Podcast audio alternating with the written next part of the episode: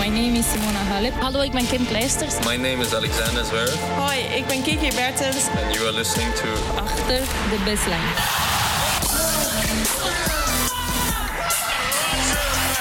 Your champion, Novak Djokovic. Dit is Achter de Baseline. Vanuit Flushing Meadows. Met Abe Kuil en David Avakian.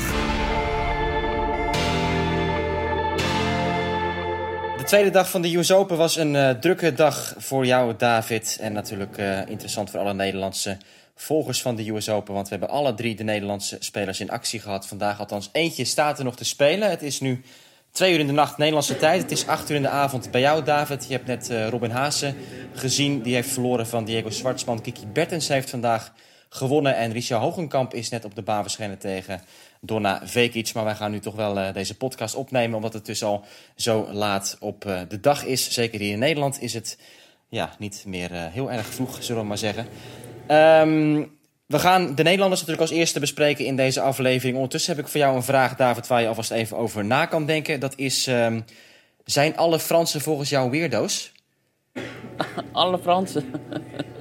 Niet Dan allemaal. mag je- Hè? hebben we het, komen we er later op terug? Daar komen we later op er terug. even. Eh, even een lekkere cliffhanger aan het begin van deze podcast. Maar we gaan eh, de Nederlanders bespreken, David. En laten we starten met Kiki Bertens. Want die kwam immers ook als eerste in actie vandaag. Zij trof een lucky loser uit Spanje, Paula Badosa... van wie zij een paar weken geleden al won bij een graveltoernooi in Palermo. Nu Ja. dus hier eh, de openingsronde op baan 17. Mooi stadion. Jij plaatste er nog een eh, foto over, ook eh, op social media. Wat, eh, wat, wat maakt dat zo'n mooie baan? Laten we daarmee beginnen. Nou ja, de ligging vooral. Want het, het, ligt een beetje aan de rand van het park. En ja, vanaf de hoek waar ik dan die foto nam, is in een rechte lijn op de achtergrond eh, Arthur Ashe te zien. En het is sowieso een indrukwekkend stadion natuurlijk. eh, het Arthur Ashe Stadion, het grootste tennisstadion ter wereld. Maar zeker vanuit die hoek, als je, als je ziet dat zo'n stadion, waar Kiki, waar, waar, ze speelde, waar ze in speelde, was ook een stadion. Dat is gewoon mi- minuscuul in vergelijking. Ehm, ja, en, en gewoon, het, het is een wat, wat ouder, ouder ontwerp.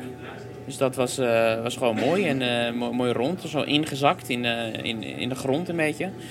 Ehm, ja, en Kiki speelde daar inderdaad tegen Paula Badosa, zoals je zegt. En het is trouwens best een nieuw stadion hoor, baan 17. 2011 is het geopend. Het is nog niet zo oud. nou, nou die, die- dat gevoel kreeg ik een beetje.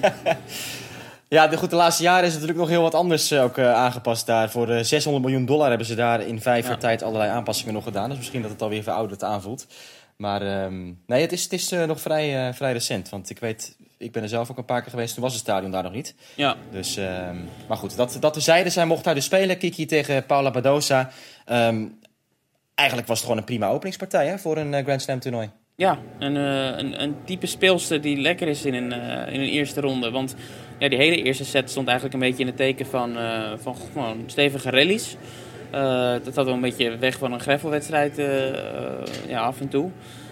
Maar ja, je zag af en toe dat Kiki ja, die, die aanval inzette en probeerde voor een snel punt te gaan. eh, naar de service meteen de andere hoek in, in te spelen. Ja, dat is het spel wat ze moet spelen hè, op hardcourt en waarmee ze veel succes kan hebben. Ehm, maar wat dus zo ver weg ligt van haar geliefde spel. Maar het is goed dat ze dat in zo'n eerste ronde meteen laat zien, die intentie om dat te doen. En dat kwam eh, ja, uitstekend eh, ja, tot, tot zijn recht ook. hè. 6-4, 6-2 was het uiteindelijk. Ze serveerde heel goed, geen breakpoint tegen de hele wedstrijd. Ehm, ja, ik weet niet. Top, ja, voor het begin, denk ik. Laten we even luisteren naar het, eh, het interview dat je had met Kiki. Want zoals altijd, als de Nederlanders wedstrijden winnen op Grand Slams... dan ben je de eerste die klaar staat op de baan om eh, met ze te spreken. Althans, na de stadionspeaker ter plekke soms... die eh, natuurlijk ook even voor de fans daar ehm, de speelsters eh, spreekt. Maar dit is wat Kiki tegen jou zei. Hey Kiki, gefeliciteerd. Prachtige eerste ronde, denk ik. Eh, precies zoals je het wilde. Eh, ja, ik ben erg blij met mijn performance vandaag. Ik denk dat het goed zat, vooral vanaf het begin gelijk. Eh ballen zaten er goed op, goede mindset en eh, denk ik goed afgemaakt. Ja, een mix van eh, veel rallies, maar ook wat directe spel. En dat directere spel is iets wat je graag eh, wil verder ontwikkelen, denk ik. Hè? Eh, ja, dat is echt wel iets waar ik nog stappen in moet maken. Dus ik ben blij dat ik vandaag op af en toe belangrijke momenten dat zeker heb gedaan. Het was lastig. Zij probeerde dat ook natuurlijk te doen. Dus het was af en toe gewoon zoveel mogelijk ballen terugbrengen waar kon. Maar waar ik wel de kans kreeg daarin te stappen. En ja, dat heb ik denk ik goed gedaan. En een paar prachtige passing shots aan het einde, daar moet je ook tevreden mee zijn. Eh, ja, ik denk dat ik fysiek er erg goed op sta op het moment. Ik hou heel erg veel. Dus eh, ja, daar ben ik natuurlijk vooral erg blij mee dat ik gewoon achter heel veel ballen zit. Wat me opviel was de concentratie. Die was eh, op orde. En is dat ook iets waar je, waar je graag aan werkt en wat, wat beter moet? Of wat, je, wat heel belangrijk is om ver, ver te kunnen komen hier? Ja, dat is voor mij heel erg belangrijk dat ik natuurlijk goed geconcentreerd ben, eh fouten snel vergeet en gewoon er elk punt 100% sta en de juiste dingen doe. En ja, dat is me vandaag gelukt en hopelijk gaat het me de volgende wedstrijd ook lukken. Oranje fans in het publiek. En als ik naar je outfit kijk, je hebt ook oranje schoenen. Is dat een, een oranje tintje, een Nederlands tintje wat je daar hebt gegeven? Of is dat toeval? Eh, ja, ik hoop dat het me hier gaat helpen. Ik wil zeggen, dat heb ik zelf verzonnen, maar dat is natuurlijk gewoon van de sponsor eh, de lijn die we nu dragen. Alleen, ik ben heel erg blij natuurlijk dat het toch een beetje, een beetje Nederlands is. Heel veel succes in de tweede ronde. Dankjewel. Ja, heel ontspannen vond ik ook eh, de reactie van Kiki zo. En nou ja, ze was zelf ook hè, vrij tevreden met haar optreden. Ik hoor trouwens weer op de achtergrond bij jou dat er eh, media-announcements gaande zijn. Je zit weer op je vertrouwde plekje in het, eh in het mediarestaurant, zie Ja. ik. Ehm, spelers worden weer aangekondigd voor de persconferenties. Maar eh, ja, goed. Kiki Bertens dus blij ook met hoe ze speelde. Hè? En dat was ook goed te zien dat ze echt met die aanvallende intenties op de baan stond. Als het even kon, wilde ze zelf de punten halen. Ehm, ik heb het ook in de uitzending gezegd bij het verslaggeven van deze wedstrijd. Dat ehm, tegen Venus Williams verloor ze natuurlijk in Cincinnati. Eerste partij in haar titelverdediging. En daar baalde ze ervan dat ze terugkwam in de wedstrijd door goed aan te vallen. Maar toen het echt erom ging, dat ze eigenlijk een beetje terugging in haar comfortzone. Niet meer durfde te spelen. En, en door de passiviteit min of meer die wedstrijd ook, eh, ook verloor. En dat leek ze echt te willen voorkomen hier. Het is misschien ook al een soort speelstijl met het oog verder op het toernooi. Om natuurlijk Ja. zo te moeten spelen tegen de grotere namen straks. En dat was volgens mij gewoon eh, goed uitgepakt allemaal. Nou ja, grotere namen zeg je. Ik zou zeggen in ronde 2 al. Want dan eh, de tegenstander daar, dat is een oude bekende, Anastasia Pavlyuchenkova, waarvan ze verloor in eh, Australië ook. En speelde die Ook in de tweede ronde. ook in de tweede ronde. En Kiki gaf in de persconferentie nog aan van ja, weet je, dat is de, de top van Pavlyuchenkova. Als ze haar topniveau haalt, dan is dat echt, ligt dat heel hoog. Ehm, en in, die zin had ze, zei ze het niet letterlijk, maar schemerde wel een beetje door dat ze een voorkeur had voor toch Parmentier. Want ja, die geeft je toch iets meer ruimte om zelf eh, het heft in handen te nemen. Eh, en Pavlyuchenkova, zo, zoals gezegd, ja, als die het op haar heupen heeft, dan nou, hoe goed je ook bent, dan kom je er gewoon af en toe niet eh, aan te pas. Dus het, het is een spannende tweede ronde, denk ik. Ja, en ehm, als Bertens die wedstrijd zou winnen, dan zou ze meteen ook haar prestatie van vorig jaar evenaren. Wat trouwens haar beste US Open was vorig jaar toen ze de derde ronde haalde en verloor van Marketa van Droshova. Dat is denk ik voldoende over Bertens eh, vandaag, David. Hè, het belangrijkste Ja. is gezegd. Nou, ik, ik kan nog wel wat, wat, wat, wat grappige dingen erbij melden. Want ook in de persconferentie eh, ja, werd duidelijk dat Kiki hier al tien dagen in New York is. En nog nooit eerder in haar carrière is ze zo vroeg aanwezig geweest op een Grand Slam. En we hebben het natuurlijk gehad over ja, wat, wat moet Kiki doen om, eh, om te pieken op de grote momenten. Dus ja, ze zag het een beetje als een soort half experiment. Ja, laten we eens kijken of, of dit iets is om zo vroeg aan te komen op een Grand Slam toernooi en zo'n lange aanloop te hebben. Eh, ze is natuurlijk in het kwalificatietoernooi hier ook geweest. Ze heeft eh Richie Hogekamp heeft ze aangemoedigd. Ze heeft gefietst. En een, eh, een naïeve Amerikaanse journalist die schrok ervan toen ze zei van ja, ik heb helemaal van, van ja, eh, Noord Manhattan naar Soho gefietst. En oh, oh, maar dat is toch hartstikke ver. En Kiki die, die keek van ja, maar hallo, wij zijn Nederlanders, voor ons is dat niks. Zo'n afstand. Dus eh, ze gaf aan dat dat een Nederlands tintje aan haar verblijf hier is. Eh, dus dat was leuk. En ja, ze, probeert vooral niet te veel energie te verspillen, toch? Dat, dat fietstochtje was echt een, een uniek moment. Verder zei ze, ik, ik drink eigenlijk alleen maar koffie en niet te veel. Weet je, een kleine wandeling. Want ja, zoals we eerder al aankondigden, de stad New York en die energie die het heeft, dat, eh, dat slurpt het allemaal weg bij Kiki. Ja, nou dat is nog even een eh, leuk verhaal inderdaad over de fietsende Kiki daar in New York. Ik zie, ik zie het al helemaal voor me. Het is toch een Ja. beetje oppassen natuurlijk met al die, eh, die, die taxis en de scheurende auto's overal. Het, eh, Nou, ik dat, vind het wel wat gedurfd van Kiki dat ze dat zo... nou ik, ik, jij bent, wanneer ben je voor het laatst in New York geweest?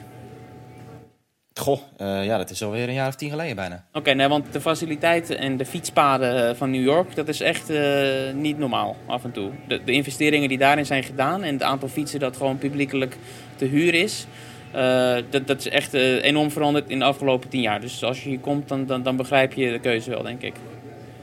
Goed, tot zover eh, jouw reisspecial, David. We gaan weer terug naar de tennis. We gaan dan door naar de wedstrijd van Robin Haase. Die speelde tegen een tegenstander die in het verleden eh, goed gezind was. 5-0 head-to-head tegen Diego Schwartzman.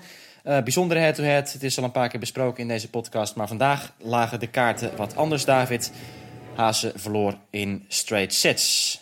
Ja, en in een eh, bijzondere sfeer, hè? Want als er een Argentijn speelt, dan, dan klinken de olé, olé, olés al heel snel in het stadion. En Schwarzman is natuurlijk een ontzettend geliefde speler, ook niet alleen bij collega's, maar ook bij de fans.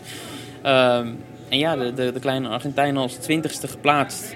Eh, die maakte ja, zijn, zijn, zijn ranking waar, ondanks die 5-0. eh, inderdaad, wat je zegt, eh, in het voordeel van Hazen voorafgaand aan de partij. Drie sets overwinning. Op zich, de eerste twee sets waren goed. Ook van de kant van Hazen. En Hazen had ook kansen om, om zeker die tweede set te winnen. Ehm lukte uiteindelijk niet. En dan was die derde set een beetje een, ja, hoe zullen we het noemen? Ja, Ja, ik ben benieuwd wat, Nee. je, wat je gaat bedenken hier. Ty- ty- typeer jij de derde set maar. De derde set was, eh, was voor de boeken alleen nog, toch? Ja, dat, eh, dat is een beetje de nette omschrijving volgens mij. Ja, Eh, ja. ja, dat. Ik weet niet of jij er nog iets, iets is opgevallen. Nou, er waren natuurlijk wat bijzondere momenten. Punt, punt 1, de tiebreak van de tweede set. Die had ook de kant van Hazen op, op kunnen gaan. Ehm Schwarzman kreeg een, een waarschuwing voor ehm, tijdsovertreding in de return game. En daar was hij een beetje gepikeerd over. En volgens mij, jij zat er ook bij. Jij kon ook een beetje horen wat er werd Nee, gezegd. ik heb het niet goed, eh, niet goed verstaan wat er werd gezegd. Alleen, ehm, ja, wat het opvallende was dus dat de retourneerder de tijdswaarschuwing krijgt. Terwijl het normaal gesproken toch de serveerder is. Ehm, en ik, ik zag dat Schwarzman zich beklaagde en, en hij, zei, eh, eh, ja, hij zei iets wat ik wel verstond tegen de umpire. Dat, dat hij huilt de hele tijd om allerlei tijdsovertredingen. En eh, hij bedoelde eh, Schwarzman dus Hazen. Eh, maar dat, dat was heel vaag, dat hoorde ik, maar verder niet wat daarna allemaal kwam. Maar ik zag wel dat er een discussie gaande was. Ja, en zo is het ja, toch weer een eerste ronde exit natuurlijk voor Hazen op een Grand Slam toernooi. We hebben de rankingssituatie eerder al aangehaald van Hazen. Dat is nu wel een probleem voor hem. Hij staat buiten de top 150. En ja, dat gaat dus echt eh, interessant worden wat Hazen nu in het najaar zal gaan proberen te doen om eventueel die ranking terug op te bouwen. Of Nou, dat kan ik vertellen. Oké, Want hij heeft net een persconferentie gegeven en daarin werd hem uiteraard de vraag gesteld van hoe, hoe nu verder.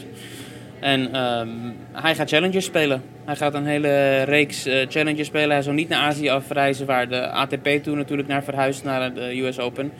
Ehm, dus ja, hij gaat zich richten volledig op het singelen. Het is niet zo dat hij de hoop op heeft gegeven en dat hij zich maar ja, gaat richten op de dubbel samen met Wesley Koolhof, wat heel goed gaat.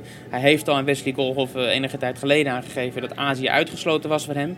Dus die Masters toernooien van Shanghai en Beijing, die grotere toernooien die, die daar plaatsvinden, daar gaat Haase niet aan meedoen. Ehm, prioriteit is en blijft nog altijd de single. Oké, ja, wat ik nog wilde zeggen ook is dat het eh, toch wel een beetje ehm, jammer is voor Haas. En opvallend vind ik ook wel dat als je naar zijn hele Grand Slam carrière kijkt, dat hij maar twee keer een derde ronde heeft bereikt van een eh, major. Terwijl we toch weten, nou ja, in een, in een Masters 1000 toernooi vorig jaar in Canada, of twee jaar geleden, haalde hij een halve finale. Hij heeft een kwartfinale ook nog eh, Ja. gehaald daar. En ehm, dan is dat natuurlijk een, een magere palmares in de Grand Slams. Wat, wat jammer is, omdat Haas ja, natuurlijk capaciteit heeft gehad om, om meer eruit te halen. En vaak natuurlijk ook matig gelood.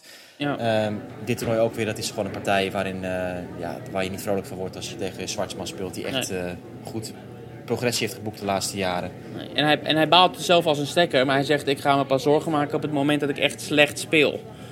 En om nu te zeggen dat hij ehm, ja, de afgelopen tijd slecht speelt, nou, dat is niet zo, toch? Want hij heeft ook vorige week haalde hij zelf ook aan, won hij van Joao Sosa.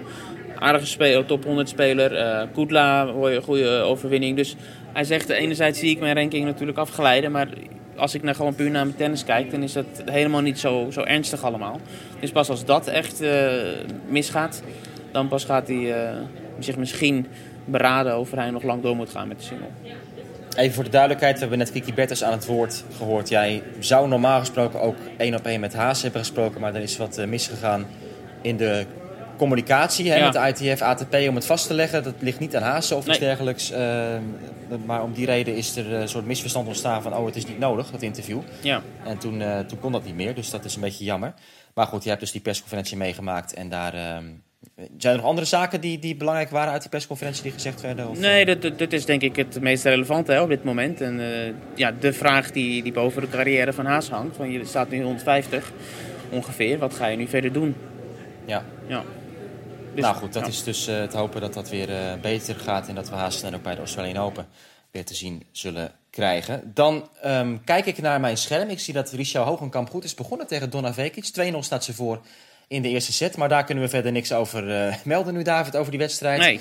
Ehm, wij gaan dan dus de rest van de dag bespreken. En ja, het is natuurlijk wel een dag geweest. Laten we vandaag even met de mannen beginnen. Want daar zijn de grootste verrassingen geweest. Het zijn eh, vier top 10 spelers die zijn gesneuveld. Dominic Thiem verloor van Thomas Fabiano. Stefanos Tsitsipas ging eruit tegen André Rublev. Roberto Bautista Agut, kerstvers top 10 speler, verloor van Mikael Kukushkin. En Karen Gatchanov redde het niet tegen Vasek Pospisil. Dat was de eerste overwinning überhaupt voor Pospisil in 10 maanden tijd. Want hij is lang eruit geweest met rugproblemen. Dus dat is een hele mooie zegen natuurlijk dan eh, daar voor de Canadees.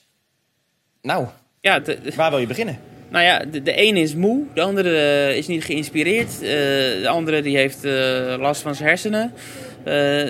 Ik weet het niet. Het, is, het, het zijn ook... Hè, en je hebt Zverev niet genoemd omdat hij er wel nog doorheen is gekomen. Maar het had niks gescheeld of ook Alexander Zverev was weer in de eerste ronde eruit gegaan. Vijf zit ook tegen Radu Albot, Ja, inderdaad. ja dit, het, het is gewoon ontzettend lastig. En, eh, ja, met, met niet geïnspireerd doe ik op eh Stefanos Tsitsipas bijvoorbeeld. Hij verloor van André eh Rublev, die, die we kennen natuurlijk van die prachtige overwinning. Op, Oh, jij gaat het echt zo uitspreken? Ik ga Rublev. Rublev. Oh, ja, nou, Ja. ik zou bijna zeggen, heb je mijn Twitter-feed gezien? Want ik kreeg daar ook een, een opmerking over tijdens het commentaar geven bij die wedstrijd. Oh, dat heb ik niet gezien. Een, een- een- iemand die eh, blijkbaar heel gespecialiseerd was in het uitspreken van Russische namen, die, eh, die gaf het heel in detail toe waarom het als Rublev moet worden uitgesproken. En ik zei van ja, als we daaraan gaan beginnen, dan kunnen we ook eh Savashova en al die, al die Oost-Europese Ja. namen zo gaan doen. En dan is het hek een beetje van de dam. Dus Ja. we houden het toch een beetje ehm, simpel in dat opzicht door gewoon Zal ik Rublev Rublev te zeggen. zeggen? Het, is, het is de internationale gangbare uitspraak. Hè? Dus ook voor alle andere luisteraars die misschien denken... waarom ehm, wordt dat op die manier uitgesproken? Ja, dat is dus gewoon hoe het eigenlijk wereldwijd gebeurt. Behalve dus door eh, mensen die Behalve ach- achter de baseline. Mensen die gespecialiseerd zijn in de Russische taal, eh, David, die eh, wijken daar soms een beetje vanaf. Hè? Die het Ja. echt, echt zo doen. Nou, misschien kan je het even vertellen waarom het zo is. Want er staat dus Rublev. Ja. Waarom zeg je dan Rublev? Nou goed, het, het- het is natuurlijk cruciaal om te weten dat het Russische alfabet is een, is een, zijn andere letters. Dus je moet, wat je krijgt is als je dat gaat vertalen naar het Latijnse alfabet, ja, dan, dan moet je andere letters hè, moet je gaan verzinnen. We hebben het ook honderden keren ook over eh Gatchanov gehad, wat, wat, wat vaak Kachanov eh, wordt genoemd. Ja, dat, dat is ook fout. Een K en een H achter elkaar, dat, als je het dan gaat vertalen naar het Russisch, is een G. En in dit geval is een Rublev, is Rublev en eh Zvonareva wordt altijd in het Nederlands gezegd. Dat is Zvanarjova. Dus er zijn zoveel van die dingen. Maar dat, dat is dus allemaal, eh, ligt, ligt het aan die vertaling van alfabet. Ja goed, daar moeten we niet over hebben. Ik zal, ik zal me aanpassen aan, eh, aan het Nederlands. En ik zal voortaan gewoon Rublev zeggen. En Rublev die won dus van Tsitsipas. Nadat hij ook vorige week of twee weken geleden in Cincinnati van, eh van Federer won. En ja, nu toch stevig aan de weg aan het timmeren is. Maar die wedstrijd was denk ik vooral ook opvallend door wat er allemaal met uh, Tsitsipas gebeurde. Nou, en dat brengt mij terug bij het begin van deze podcast. Want er was een discussie gaande op een gegeven moment tussen uh, Tsitsipas en umpire Damian Dumoussois. Tsitsipas die was aan het eind van de changeover bezig om zich nog om te kleden. Um, ja, ik snapte dat ook niet helemaal, waarom hij dat aan het eind uh, uh, nog ging doen. En umpire Damian Dumoussois zegt dus ook van ja, moet je luisteren. Um, dit kan nu niet meer, Stefanos. Je moet gaan spelen. Het is tijd. Anders krijg je een waarschuwing. Nou, Tsitsipas had daarvoor al een keer, een paar keer de shotklok laten uitlopen omdat hij last had van kramp. Dus hij had al een waarschuwing gehad, had een strafpunt, of een, een, een, een tweede service moest hij slaan um, vanwege een tweede tijdsovertreding. En als je dan gaat retourneren, ja, dan, ga je, dan ben je een punt kwijt. Als je dan weer zo'n tijdsovertreding uh, hebt. Dus dat gebeurde ook. En Tsitsipas die zei tegen Dumas van... geef me die waarschuwing maar, geef me die waarschuwing maar. Waarom doe je nou zo? Um, ja, je bent Frans. En alle Fransen zijn weirdo's. Dat zal het zijn. Zo is, zo ja. zei hij ook ja, tegen Dumoussois. En het is ook typisch Tsitsipas om dan ineens om het over die boeg te gaan gooien. En ineens krijgt hij zo'n kronkel in zijn hoofd van... Oh ja, wacht even, je bent Frans. Ja, nee, maar, French are weirdo's. Ja, ik weet niet wat hij... eh, hij heeft ook even Patrick Mouratoglou als zijn coach. Ik weet niet of dat ook wel eens tegen hem zegt. Ja, maar, eh, maar, of om dat, uit, het uit- da- dat hij daardoor die gedachte heeft. Alle Fransen zijn weirdo's. Maar Ja, maar, maar om uit de mond van Tsitsipas eh, te horen dat hij iemand een weirdo noemt, dat is natuurlijk eh omgekeerde wereld. Want als er één weirdo is eh, in het internationale omgekeerde tennis, weirdo. Sorry, ja. dan is het eh Stefano Tsitsipas zelf. En ja, in de persconferentie ging hij erop door en hij zei, ja, die, die, die umpire die heeft iets tegen mij en tegen mijn team. En hij maakt altijd opmerkingen. Hij zegt altijd dat ik gecoacht word en eh, allerlei dingen die niet waar zijn. Want ik word helemaal niet gecoacht en ik, ik, ik hoor niet eens wat er gezegd wordt. En dat is allemaal onmogelijk. En ik zou graag eh, willen dat alle umpires zoals Mohamed Layani zouden zijn. Ja, wie kent Die Mohamed hier Layani een vakantie heeft genomen. Die ontbreekt bij de US Open omdat hij eh, hè, liever iets anders aan het doen is nu. Ja.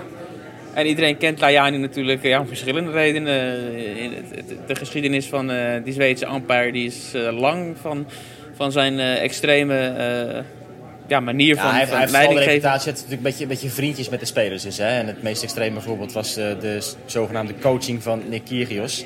Eh, Vorig jaar, ja. terzijde. Ja. Ehm, en het is natuurlijk ook die man die altijd op onvergetelijke manier eh, correction brult. terwijl het helemaal niet nodig is om dat op die manier te doen. Is echt een showman en die ook heel goed weet dat de camera's ook wel daadwerkelijk op hem staan. Dus ja, dat- zo'n opmerking maakte Tsitsipas. En hij ging dus door door te zeggen van ik ben niet geïnspireerd op dit moment. En, want hij heeft nu een, een, een verliesreeks van vier wedstrijden gaande. En ja, dat is toch wel schokkend om te horen uit, uit, uit de mond van iemand die zo jong is en die eigenlijk aan het opkomen is. En dat hij nu al kennelijk ehm, ja, die routines die hij heeft en dat hij elke keer op een bepaalde manier wedstrijden voorbereidt. En dat het allemaal nu al eigenlijk eh, een soort vermoeiend effect op hem heeft. Ja, en we moeten dat een beetje terugbrengen naar Roland Garros ook. Hè? Want dat wordt ook weer gezegd eh, door Tsitsipas. Dat hij daar nog steeds niet helemaal overheen is. Over die nederlaag tegen Wawrinka op Roland Garros. Wat een van de wedstrijden van het jaar is nog steeds in het mannentennis. Nou, wat is er daarna gebeurd? Eerste ronde eruit op Wimbledon. Eerste ronde nu US Open. Hij won ook geen partij op de hardcourts deze zomer. En eh, daarmee raakte hij ook veel punten kwijt. Want hij vorig jaar de finale had gehaald in Canada. Dat was toen eigenlijk de, de definitieve doorbraak van Tsitsipas. Toen hij ook van Djokovic wist te winnen op weg naar de finale. Vier top 10 spelers wist eh, te verslaan. En nu is het dus een beetje een eh, omgekeerde ehm, weg die hij bewandelt. Het was trouwens wel echt een ongelofelijke strijd vandaag tegen Rublev. Want het, eh, het was een partij van bijna vier uur. En Tsitsipas kreeg dus kramp in de vierde set. En dat is wel een beetje apart, vond ik. Want het was niet echt warm vandaag weer in Nee. New York. Dus de vraag was ook, ja, hoe, hoe ontstond dat nou? Had het met zenuwen te maken? Ehm, heb jij dat nog een beetje meegekregen? Wat nou precies eh, de uitleg was daarover? Nou ja, goed. wij- als journalisten gooiden het een beetje over de boeg van je hebt gewoon aan het begin van dit jaar ja, bizar veel gespeeld. En toen hij nog wel goed speelde en wel in de flow zat en wel bleef winnen. Ja, hij speelde elke week bijna een toernooi. Dus het kan natuurlijk zijn dat, eh, dat hij daar nu de tol voor betaalt dat aan het eind van het jaar. Ehm, maar ja, tegelijkertijd, hij heeft eh, een, lange aanloop gehad zonder wedstrijden. Dus hij zou uitgerust in moeten verschijnen. Dat is de eerste ronde. Het is niet warm, zoals je zegt. Dus het is, ehm, ja, het is heel vreemd. En het kan natuurlijk ook gewoon een stukje theater geweest zijn. Dat sluit ik ook niet helemaal uit. Een beetje Grieks drama erbij. Ja, We gaan ehm, door met de volgende wedstrijd, David. Want het is eh, alweer een lange podcast aan het worden, zo langzamerhand. En Dominic Thiem heeft verloren van Thomas Fabiano. Je gaf het al aan, het was niet helemaal eh, lekker, die voorbereiding van Thiem. Ja. Hè? Was een beetje ziekjes of zo? Of wat was het nou precies? ja een soort ver- ziekjes, vermoeidheid. En hij zei, ehm, hij feliciteerde zijn tegenstander Fabiano. eh, maar hij voegde toe, het was niet de echte ik die daar op de baan stond. Dus dat is nog wel een opvallende uitspraak. Ehm, ja, nee, hij was gewoon eh, niet, niet, niet echt ready om zo'n toernooi te spelen fysiek. Nee, dus dat was de nummer 4 geplaatst die eruit vloog. Ook Team naar Roland Garros weinig meer echt laten zien. Ehm, Nou ja, als, je- als, je- als, je- als, Fabiano nog, nog één, één ding trouwens. Eh, Het team die heeft eh, dan de finale Roland Garros gehaald. Maar Australian, ja, ik zeg Open, Roland Garros. maar Australian Open was ook niks. Wimbledon was dus niks en de US Open is dus niks. Dus van de vier slams heeft hij één finale en drie keer eh eerste, tweede Ja. ronde. Die Thomas Fabiano die heeft op Wimbledon in de eerste ronde van Tsitsipas gewonnen. En nu in de eerste ronde van Team. Dat zijn wel even twee lekkere potjes trouwens Ja. voor hem. En ehm, Ja, en ik ik, ik, ik weet nog dat ik... Nee, dat vraag ik niet vertellen, want dat, is, eh, dat duurt te lang. wat, wil jij nog wat zeggen? nou, ik zit in de, in de rij met alle Italiaanse journalisten. Dus eh, het Italiaanse succes, dat krijg ik allemaal mee. En die eh, zijn natuurlijk uitgesproken zoals altijd. Dus dat is een leuke, leuke ervaring. Ja.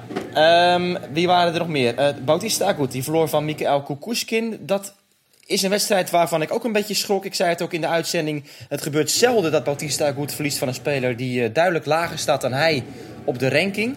En dat was dus vandaag eh, wel het geval tegen Mikael Kukushkin. Een deceptie voor Bautista Agut. Maar ik denk dat we daar snel eh, in kunnen doorschakelen. Tenzij je er nog wat aan toe te voegen hebt, Nee. David. Ehm, Nee, wel halve finale Wimbledon natuurlijk gehaald, Bautista Agut. Dus in dat opzicht is het ineens een eh, flinke tegenvaller voor hem. Ehm Gatjanov dus ook ehm, verloren hier. Dat is een beetje buiten het gezichtsveld gebeurd. Hè? Dat was tijdens eh, alles met Hazen en, eh, en andere belangrijke zaken. Dus ik weet niet of jij daar nog iets van... Nou, ik, ik heb het Zeilen's wel gevolgd, want op een gegeven moment liep, liep alles samen. Dus ik heb een gedeelte gewoon vanuit het perscentrum gezien, omdat ik meerdere banen tegelijk volgde. En ja, Gatjanov, eh wat kan ik erover zeggen? Hij, hij was gewoon eh, heel, heel slordig en, en, heel veel eigen fouten. En hij landde in zo'n vijfzitter. En, en Pospisil is natuurlijk eigenlijk niet meer wat het geweest is, maar ja, het heeft toch wel enige klasse, hè? Eh, wat we kennen van vroeger. En op het juiste moment steeds naar het net. Dat, dat soort kleinigheden die uh, Pospisil heel goed. En ja, echt een topoverwinning voor hem. Top 25 speler is hij ook geweest zelf, Pospisil. Voordat hij de laatste jaren eh, veel fysieke problemen dus heeft gehad. Ehm, Felix Auger-Aliassime, ja dat is geen top 10 speler. Maar wordt wel al bij de boekmakers eh, hoog ingeschaald de laatste paar Grand Slams als kanshebber om gewoon het hele toernooi te winnen. Die verloor vandaag met 6-1, 6-1, 6-4 van Dennis Shapovalov. Hij was hier als 18e geplaatst, Auger Aliassime. Vorig jaar moest hij nog in de kwalificaties beginnen hier. En ehm, nou ja, dat is toch wel een, een rare uitslag. Ik heb er ook niks van gezien. eh, van Nou ja, partij. goed. Er zijn natuurlijk veel kanten hè, aan, eh, aan, aan die wedstrijd. Omdat het zijn, zijn grote jeugdvriend is met wie hij is opgegroeid. Eh, vorig jaar speelden ze ook tegen elkaar hè, hier. En dat was volgens mij de wedstrijd dat Felix hem niet af kon maken. Omdat hij met, met hartritmestoornissen of een soort, soort gelijke ja. kwaal kampte. Waar iedereen wel van schrok natuurlijk. Dat hij op zo'n jonge leeftijd al iets, iets met zijn hart had.